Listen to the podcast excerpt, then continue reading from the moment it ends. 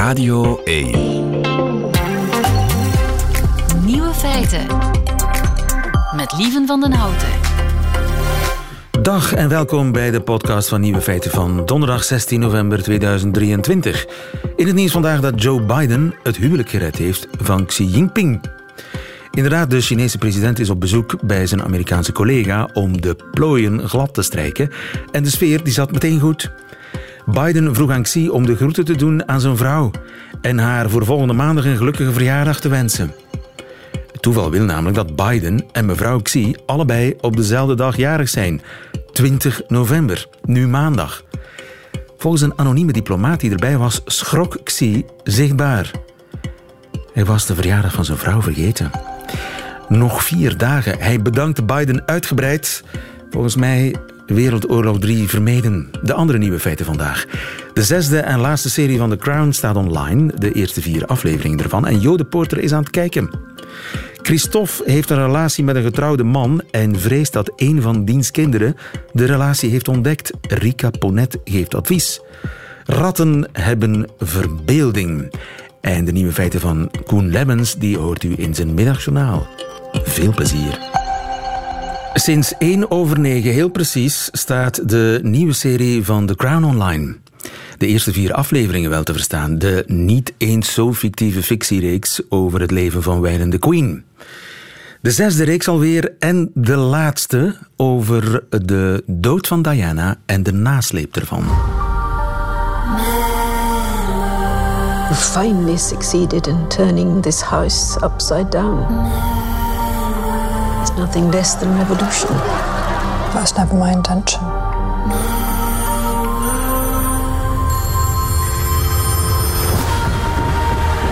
Set against a background of raw emotion, the royal family remained silent. What do people want from me? For you to be mother to the nation. You've seen the images on the television. Diana gave people what they needed. All over the world, in their thousands. And they adored her for it. This is going to be the biggest thing that any of us has ever seen. Oeh. Het wordt de grote finale, kennelijk. Jo de Porter, goedemiddag. Goedemiddag. Ik stoor je bij het kijken. Absoluut. Wat heb je allemaal gezien? Uh, ik heb uh, de sleutel, ik ben een beetje in omgekeerde vol, volgorde. de uh, echte freak kijkt naar het einde eerst.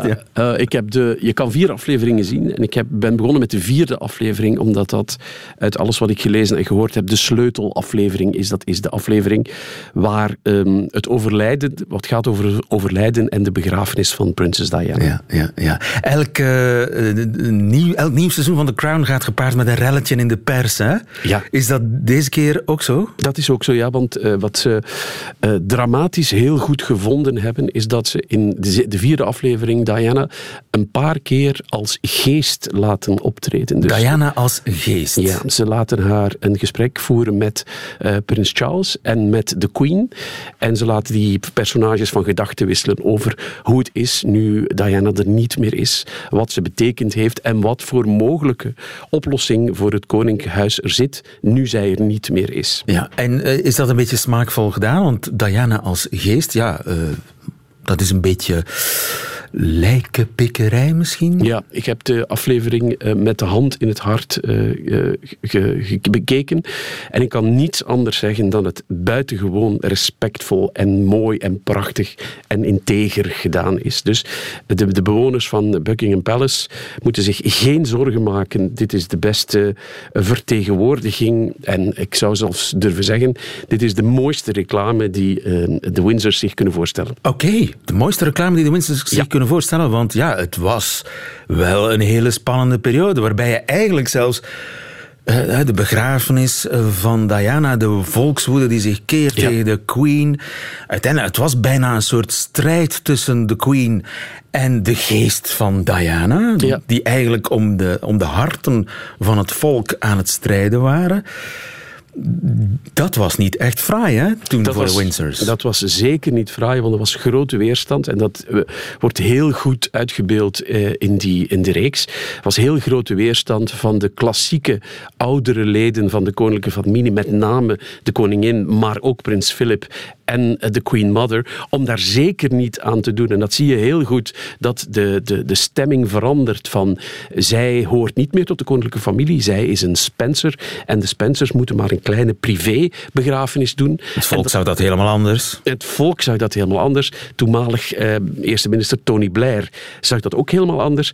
En je ziet in de serie dat wat berust op historische feiten, dat Charles altijd een grote verdediger is geweest van een publieke begrafenis en van het, het nationaal en internationaal delen van de rouw voor die overleden vrouw. Maar de Queen was tegen. De Queen was absoluut mordicus tegen. Waarom? Omdat, eh, dat, dat wordt heel mooi uitgelegd, omdat eh, de Queen ehm, deel uitmaakt van de kroon. En de kroon is een instelling dat boven die boven het gewoel moet staan. En de kroon is bij uitstek iets dat niet moet reageren op impulsen. En zoals het in de serie wordt genoemd, en zoals het ook in het echt gegaan is, op, ehm, op theater en op eh, een, een flauw toneelspelletje op, op boven het lijk van iemand die, die net overleden De is. kroon denkt in eeuwen, Ja. niet in minuten of in dagen of in weken zelfs. Ja. En de Queen had daarbij de steun van haar moeder. Ja, en van haar man. En die hebben heel lang de hele familie in Balmoral gehouden. Dat is het kasteel in Schotland waar ze die tijd van het jaar, de, de zomer dus, eh, waar ze verblijven. En eh, de- wat er in de serie gebruikt wordt om de Queen eigenlijk op andere gedachten te, te brengen, is dat eh, gesprek met Diana als geest. Juist. Als ze al overleden is. En, eh, De ultieme confrontatie. ja, en. Diana probeert, wat ze heel erg afkeurden in Diana was dat Diana zo'n publiekelijk leven en, en van het Koningshuis zo'n enorm spektakel gemaakt heeft. En de- Diana probeert de Queen, en daar slaagt ze ook in te overtuigen, dat het niet eh, als de Queen haar medeleven betuigt met eh, de de familie en, en de hele natie, dat dat niet betekent dat ze de, de levensstijl van Diana goedkeurt, maar dat ze erkent dat er andere manieren zijn om met het leven en met verdriet om te gaan, dan alles op te kroppen en op je kasteeltje te, te blijven zitten. Dus toon je hart, Ja. ma'am. En, en waarschijnlijk heeft zij dat ook beseft, wetende dat het verder bestaan van de monarchie, de stevigheid waarmee de kroon op haar hoofd staat, stond op het spel. Hè? Ja, dat was eh, zeker zo. De, de, de, stemming was eh, zeer grimmig. En, en hoewel in de serie is heel veel van die sleutelmomenten laten zien, is er toch één sleutelmoment wat heel erg bepalend geweest is. Ehm, als de, de, de, de Queen uiteindelijk terugkomt naar Londen in het zwart gekleed om de, te delen in de rouw en gaat kijken aan Buckingham Palace naar de bloemenzee die daar is neergelegd voor ehm, Diana. En ze krijgt een, een, bloemetje aangereikt van een, van een klein meisje. Dat zat wel eh, in de film die erover gemaakt is. Waarbij dat meisje, waarbij de Queen wil ehm, dat bloemetje bij de stapel leggen. En het meisje zegt: Nee, majesteit, het bloemetje is voor u. Ja.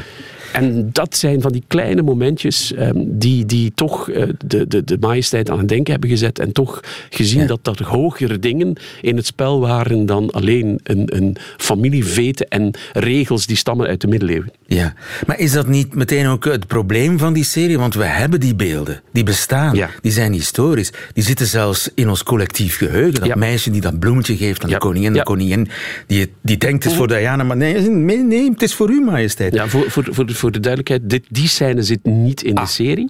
Maar ehm, wat ze heel goed doen, en dat, je vroeg naar kiesheid en is het allemaal integer gebeurd. De grote dramatische gebeurtenis, met name het ongeval in de tunnel in Parijs en zo, daar zie je eh, net voor het gebeurt en je ziet net na het gebeurt.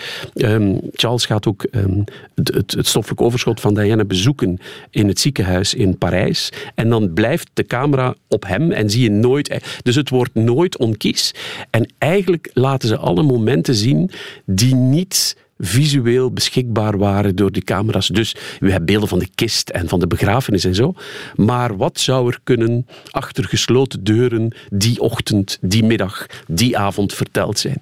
En dat zien we. En dat zien we in de Ja, reeks. want dat was een beetje mijn probleem met de vorige serie. De vorige serie, ja, dat stikte van de, van de nagespeelde documentaire ma- beeldmateriaal. Ja, en hier zie je dat ze bewust gekozen hebben om het veel dramatischer te maken. Daarmee bedoel ik op zoek gaan naar waarom en hoe en wat. Van wat we niet gezien hebben, maar wat we kunnen vermoeden dat er gebeurd is. En dat gebeurt, de, dialogen zijn buitengewoon goed geschreven. En de acteur die nu de rollen van de Queen, de, eh, Prins Philip, ehm, Charles en zo spelen, doen dat op een wonderlijke manier. En ik wil ook nog zeggen, het is voor het eerst dat je ook... Er zijn kindacteurs of jonge acteurs gekozen om William en Harry te spelen. En vooral het jongetje dat Harry speelt, wat een, een jongetje is dat uit Wales komt en van, van wie de eerste taal het Welsh is. Dus die heeft een vreemde taal moeten leren, namelijk... Queen's Queen- English. Queen's English. Oh. En heeft een roodharige pruik op zijn charmante kopje gekregen. En die jongen, dat ga je zien als je de reeks bekijkt, is de ster van de show. Oké, dus we, we moeten vooral op eh, William letten. Of op Harry, wat zei je? Harry. Op Harry, hè? Het kind onder de rode Harry, pruik. ja, kind onder de pruik. Ja, En heel de, goed de, de, jongen uit Wales die Clarence House heeft leren zeggen. Ja, en dat eh, doet hij heel goed. En Imelda Staunton is nog steeds de queen. Ja. Eh, Want eh, de vorige reeks deed het heel degelijk, Ja. maar niet echt begeesterend. Het was geen Helen Mirren, het was geen Nee, ze hebben, Olivia Colman. Nee, ze hebben oorspronkelijk wel aan Helen Mirren eh, gevraagd om het te spelen. eh, lange jaren geleden. Die heeft geweigerd om te doen om wat ze zelf een acteursdingetje noemt. Namelijk dat je niet een grote rol waar je succes mee hebt nog eens een keer eh, speelt. Ehm, ik, er is één puntje van kritiek waar ik het moeilijk mee heb. Dat is namelijk dat eh, Imelda Staunton doet de speech die de Queen voor haar eh, open raam in Buckingham Palace gedaan heeft, waar ze haar medeleven eh, betuigt eh, voor Diana en voor het grote verlies. En die speech wordt in de serie bijna integraal overgedaan door Imelda Staunton. En het probleem is dat de Queen, dat we die speech hebben van de Queen. Ja, dat is mijn probleem ook. Dat En zit dat- allemaal in ons collectief geheugen. Ja, en dat is het enige moment wat ze bijna volledig hernemen. En dan moet ik zeggen, dan moet helaas voor mevrouw Stonten ze toch afleggen tegen de echte queen. Die, Ja. ehm, En dan wordt het een verkleedpartij. ja, maar het is een goede verkleedpartij. En dat is het enige moment wat echt dubbelt. En wat, je, wat een beetje moeilijk is, omdat je de werkelijkheid zo goed kent. Ja. Maar voor de rest proberen ze bijna niet te dubbelen. En alleen maar dingen te laten zien die mogelijk gebeurd zijn en die je heel graag wil weten Ja. en zien. En dat maakt het menselijke drama duidelijk achter de anekdote die we allemaal kennen. Ik ga zeker kijken. Dankjewel, Jode Poorter. Goedemiddag, ik ga terug naar de serie. Veel plezier. Vraag het aan Rika.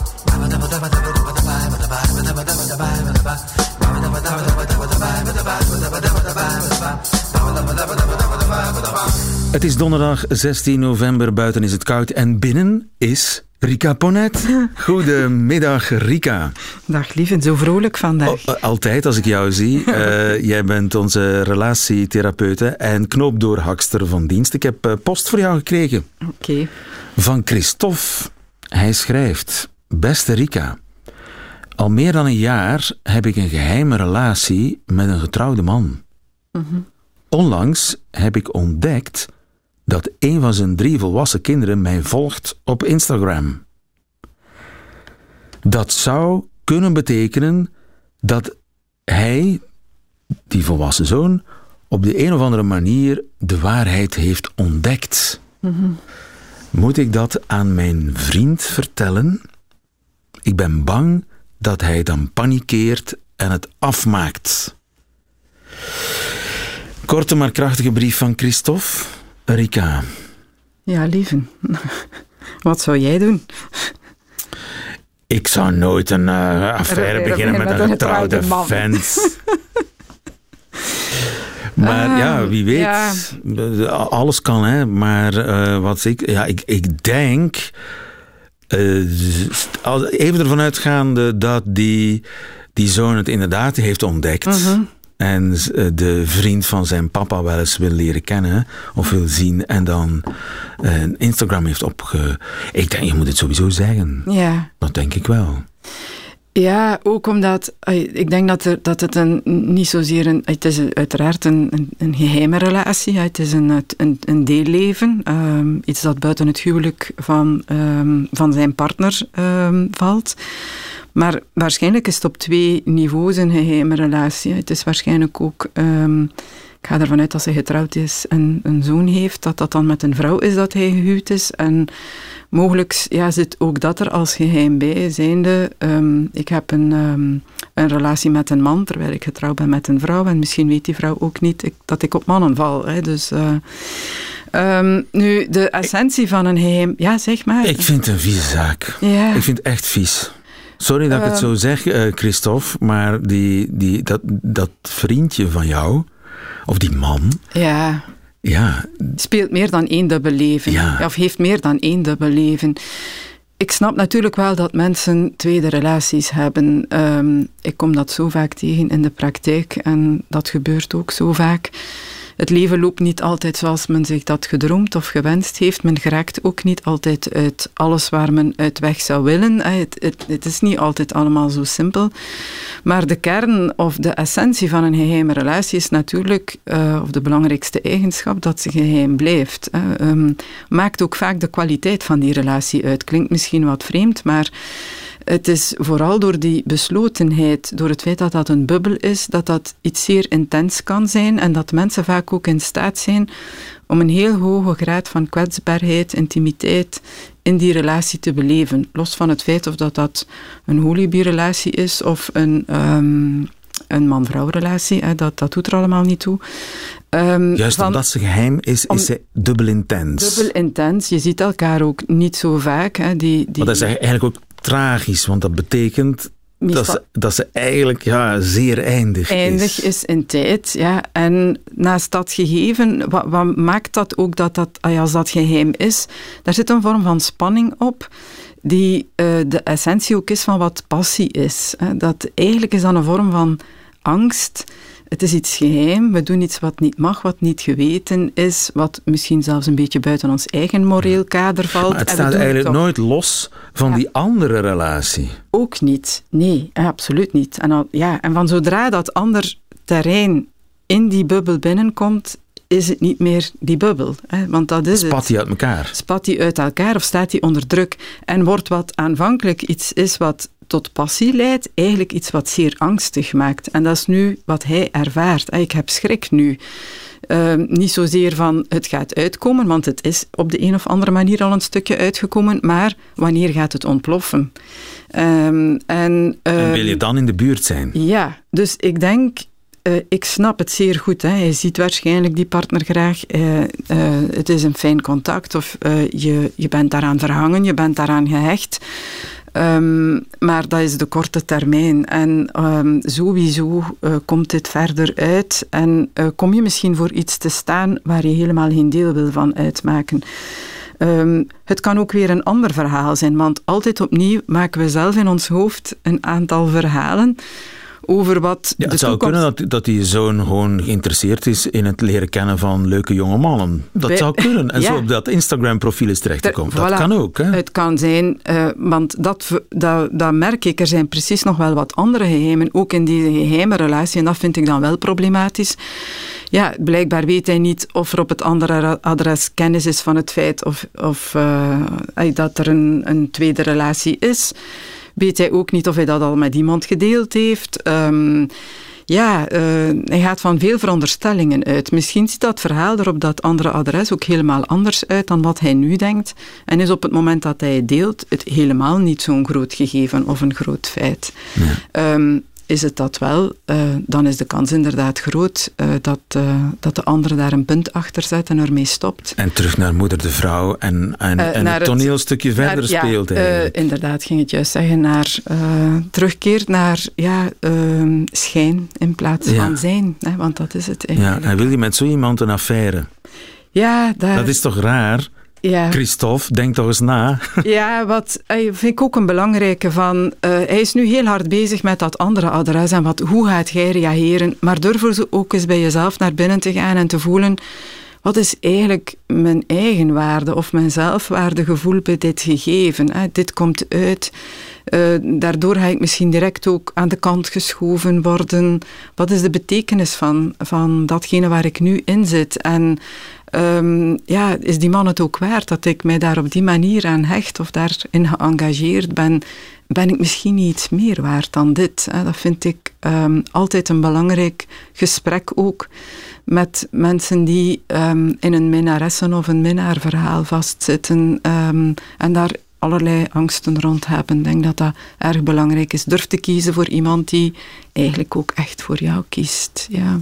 Wijze woorden van uh, Rika Ponet. Dankjewel Christophe. Ik hoop dat we iets voor jou betekend hebben. Zijn er nog mensen die vragen hebben voor Rika? Die zijn natuurlijk zeer, zeer welkom bij Nieuwe Feiten op nieuwefeiten.radio1.be. Tot volgende week. Graag.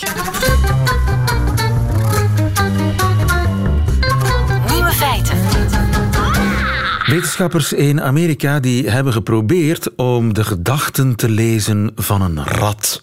Dirk Drouwlands, goedemiddag. Goedemiddag, lieven. Onze bioloog des vaderlands, eh, knakjournalist ook. Ja, wij mensen, wij leven voortdurend in onze gedachten. Hè? Wat ga ik vanavond eens koken? God, wat was die trektocht in Peru deze zomer toch fantastisch, maar zouden we volgend jaar niet eens gewoon naar het strand gaan? Dat soort dingen. Uh, doen dieren dat ook. Dat uh, hebben ze geprobeerd te onderzoeken in Amerika. Ze hebben een manier gevonden om ratten te checken. Ja, het is een ingewikkeld proces geweest. Ze hebben er ook negen jaar over gedaan. Negen jaar? Het is ook nogal dieronvriendelijk, moet ik er al meteen bij zetten. Want ze hebben uh, eh, 180 sensoren ingeplant in een specifiek deeltje van de hersenen van ratten, namelijk de hippocampus. Die hebben wij ook. En de hippocampus is een uh, orgaan dat uh, onder meer ons geheugen toont, maar ook als een soort interne GPS functioneert, waarmee dat we ons ruimtelijk kunnen oriënteren. Ja. En die ratten hebben dat dus ook. En ze hebben dan een combinatie gemaakt van, van die ratten in zo'n virtual reality uh, situatie te laten leven, die ze heel goed konden manipuleren. En vervolgens via een brein-machine interface, dus een connectie via die sensoren tussen hun hersenen en de computer, hebben ze dan geëvalueerd wat er gebeurt als ze dan via die virtual reality die leefwereld van die ratten manipuleren. En zo hebben ze effectief kunnen aantonen dat er in de hippocampus, heel, dus in die hersenzone voor, uh, voor oriëntatie, heel specifieke kleine groepjes cellen zijn die actief worden als ze zich een bepaalde locatie herinneren.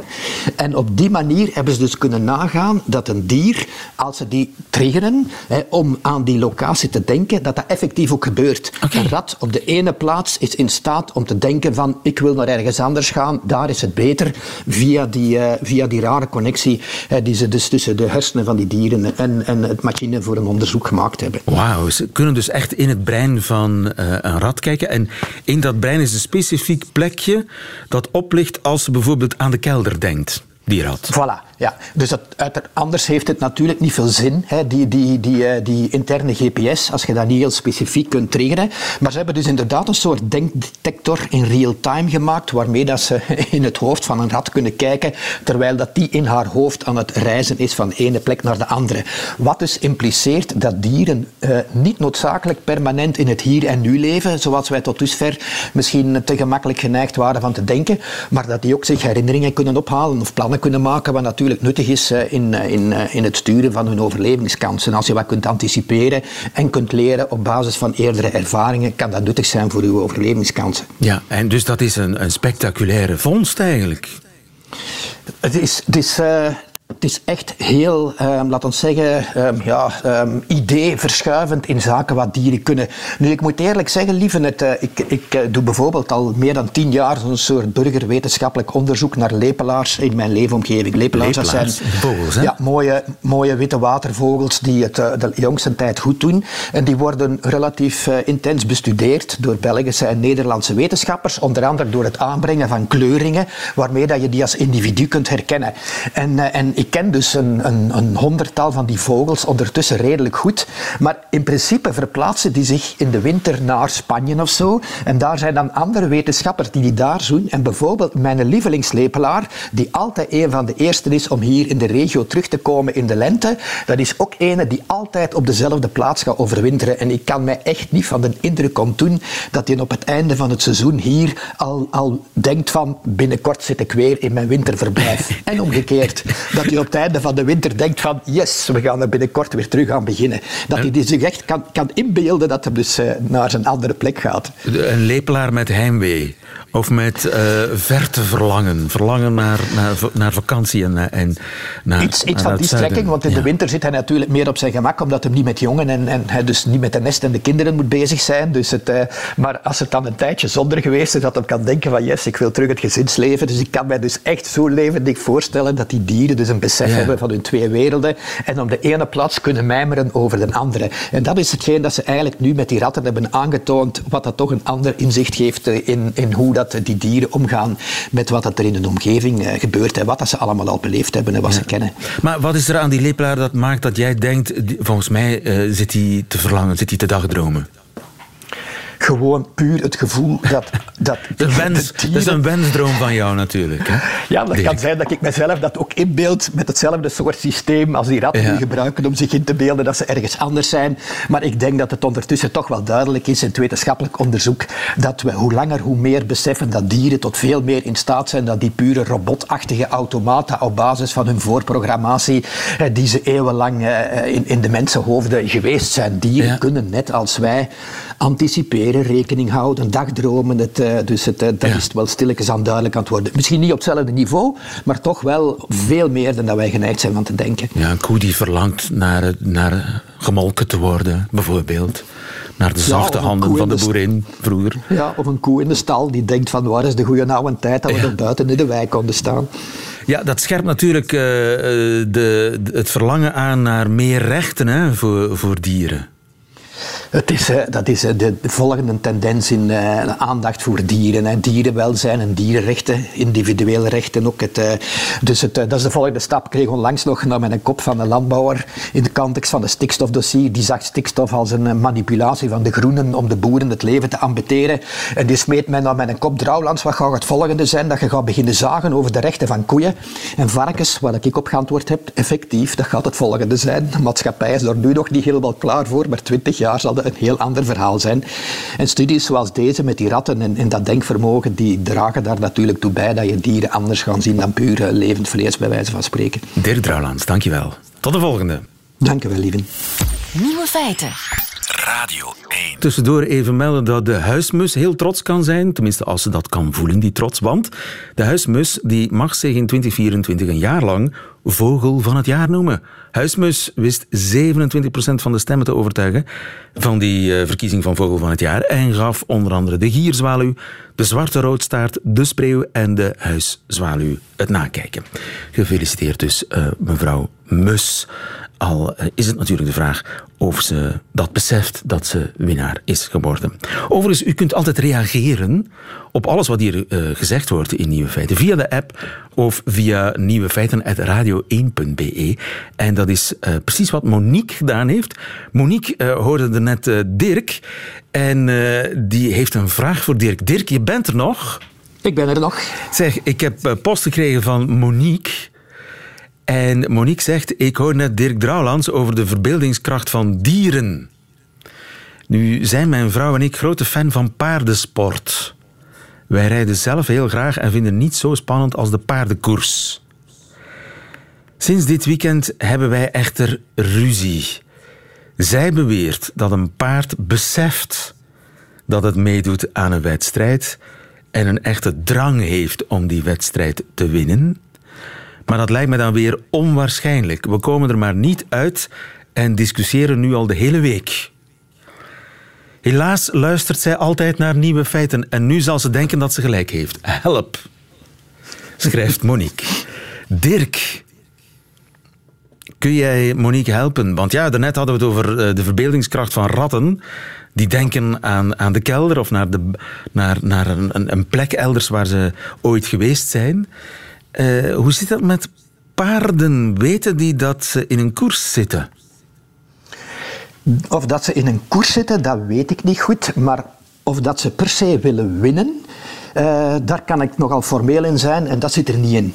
Ah. Het, uh, paarden zijn, om te beginnen, gewend van in groep te lopen, dus synchroon te lopen. Dat is iets dat er al in, in honderdduizenden, miljoenen jaren van paardenevolutie ingebakken zit. Dat die bij elkaar moeten blijven om te vermijden dat ze aangevallen worden door een roofdier. Dus als ze echt synchroon aan dezelfde snelheid relatief dicht tegen elkaar blijven lopen, is de kans klein dat er een uitgepikt wordt om, eh, om dan slachtoffer te vallen van, van een leeuw of, of, of een luipaard. Of, of, eh, of, dus ja. hun instinct is precies om niet voorop te lopen. Maar er zijn er, je hebt ook in die paardenwereld zo'n soort hiërarchie, waarin dat er altijd paarden zijn die graag op kop lopen en paarden die meelopers zijn. Blijkbaar houden jockeys daar ook rekening mee, dat ze meelopers bijvoorbeeld pas op het einde van een race naar voren doen. Maar dat heeft niks te maken met te willen minnen. Dat heeft alles te maken met het feit van ik ben een dominante, ik loop op kop, maar ik wil vooral niet mij loskoppelen van de groep, want anders zit ik in de nesten als er een predator komt. Dus het, uh, dus het uh, winnen, dat is echt iets van, ik, ik denk eigenlijk eerder dat paarden geneigd zullen zijn om rap te lopen in zo'n race om, om van het gedoe van een jockey vanaf te zijn. Hè. De zweepjes en de stampen en het geroep en, en, en de ambetante, stressvolle situatie. Dat ze daardoor misschien eerder gaan willen lopen om er snel vanaf te zijn dan om per se rapper te willen zijn dan die andere paarden. Dat is helemaal niet iets dat in de biologie van de paarden zit. Dus, uh... ja. En uh, of, of, of zo'n paard beseft dat er zoiets is, het concept koers en wedstrijd, en dat er een prijs is voor de winnaar, dat is eigenlijk onwaarschijnlijk. Onwaarschijnlijk. Ik bedoel, je ziet bijvoorbeeld in die windhondenraces, hè, daar moeten ze een haas, uh, zo'n artificiële haas laten, laten rondvlammen om, om zeker te zijn dat die honden echt gaan koersen. Dus die lopen eigenlijk achter die haas en niet tegen elkaar.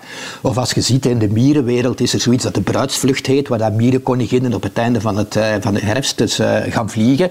En die mannen die gaan er dan achteraan allemaal om ter eerst, maar daar hebben die natuurlijk een zware incentive bij, want alleen de eerste kan paren. Dus dat is uh, willen winnen om uzelf voor te planten. Dat is nog altijd iets anders dan een koers willen winnen, puur en alleen om het uh, genot van degene die op uw rug zit en uw eigenaar. Ja, dus ik hoop dat de huisvrede nu hersteld is ten huize Monique. En misschien is het ook voor haar een opluchting om te weten dat ze wellicht gelijk heeft. Dirk Brouwlands. Denk het ook. Dankjewel. Goedemiddag. Goedemiddag, lieve. Nieuwe feiten. Radio 1. En dat waren ze meteen, de nieuwe feiten van vandaag, 16 november 2023. Alleen nog die van professor Koen Lemmens. Die krijgt u nu in zijn middagjournaal. Nieuwe feiten. Middagjournaal.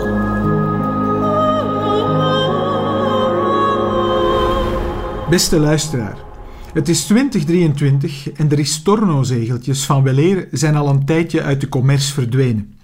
Valois, Ford en Seca zijn merken die ons in het beste geval toeschrijven van op een mooi geëmailleerd reclamebord in het lokale rommelhoek, dat hipsters wel eens een vintage shop noemen. Want in het Engels is oude brol meer waard, dat weten we intussen wel. De fideliseringspraktijk die helaas nog niet tot het verleden behoort, is de klantenkaart. De vraag heeft u een klantenkaart? Is wellicht de toverformule waarmee elke lokale neringdonder geslaagd is in het examen winkelhouderij. Wat hem een certificaat van het NCNV opleverde, een felicitatietelegram van Petrus Thijs en dus ook een flinke schare trouwe klanten. Maar eigenlijk zijn klantenkaarten voor de deftige burger wat condooms zijn voor hitsige jongeren. Je hebt ze wel in huis, maar nooit bij je wanneer je ze echt nodig hebt. Heeft u een klantenkaart? Jawel, mevrouw, maar ik ben ze vergeten. Gelukkig gaat de middenstand mee met de tijd en kan een en ander snel in de computer opgezocht worden. Wat is uw naam? Lemmes. Met twee M'en? Ja, en N-E-N-S. Ik vind niks in mijn systeem, meneer. Heeft u een adres? Sint-Eloise Steenweg 8, Sint St. in Eigenbekige. Eigen 3498, mevrouw. Nee, ik vind niks. Heeft u misschien een telefoonnummer? 0403. Ah ja, ja, ja, hier heb ik het. Koon Lemmes, Sint-Eloise Steenweg 38 34 98, Eigenbekige. Een pak van het hart van de winkelbediende, die zichtbaar blij is dat ze je kan bevestigen in je hoedanigheid van trouwe klant. Intussen staat er wel een kleine tien man geïrriteerd te zuchten in de rij en heeft de verkoopster enthousiast je persoonlijke gegevens door de hele winkel geschald. En dat allemaal om de volgende keer 2 euro korting te krijgen bij een aankoop van minstens 150 euro. Besparen door meer uit te geven. Alleen een trouwe klant is zo dom om erin te lopen. Enfin, de belastingbetaler eigenlijk ook en Paul de Grauwe vindt het vast een verstandige uitgave. Nu vraagt u zich wellicht af waar ik aan het winkelen was. Het was in een boekhandel, beste luisteraar. Ik had juist een interessant boek gekocht over gegevensbescherming en privacy. Geloof mij, dat wordt in de toekomst nog een dingetje.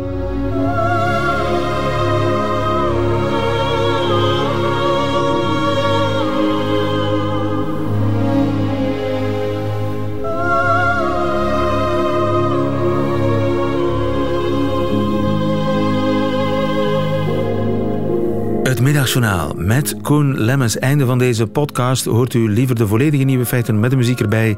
Dat kan natuurlijk elke werkdag live tussen 12 en 1 op Radio 1 of uitgesteld via VRT Max. Tot een volgende keer.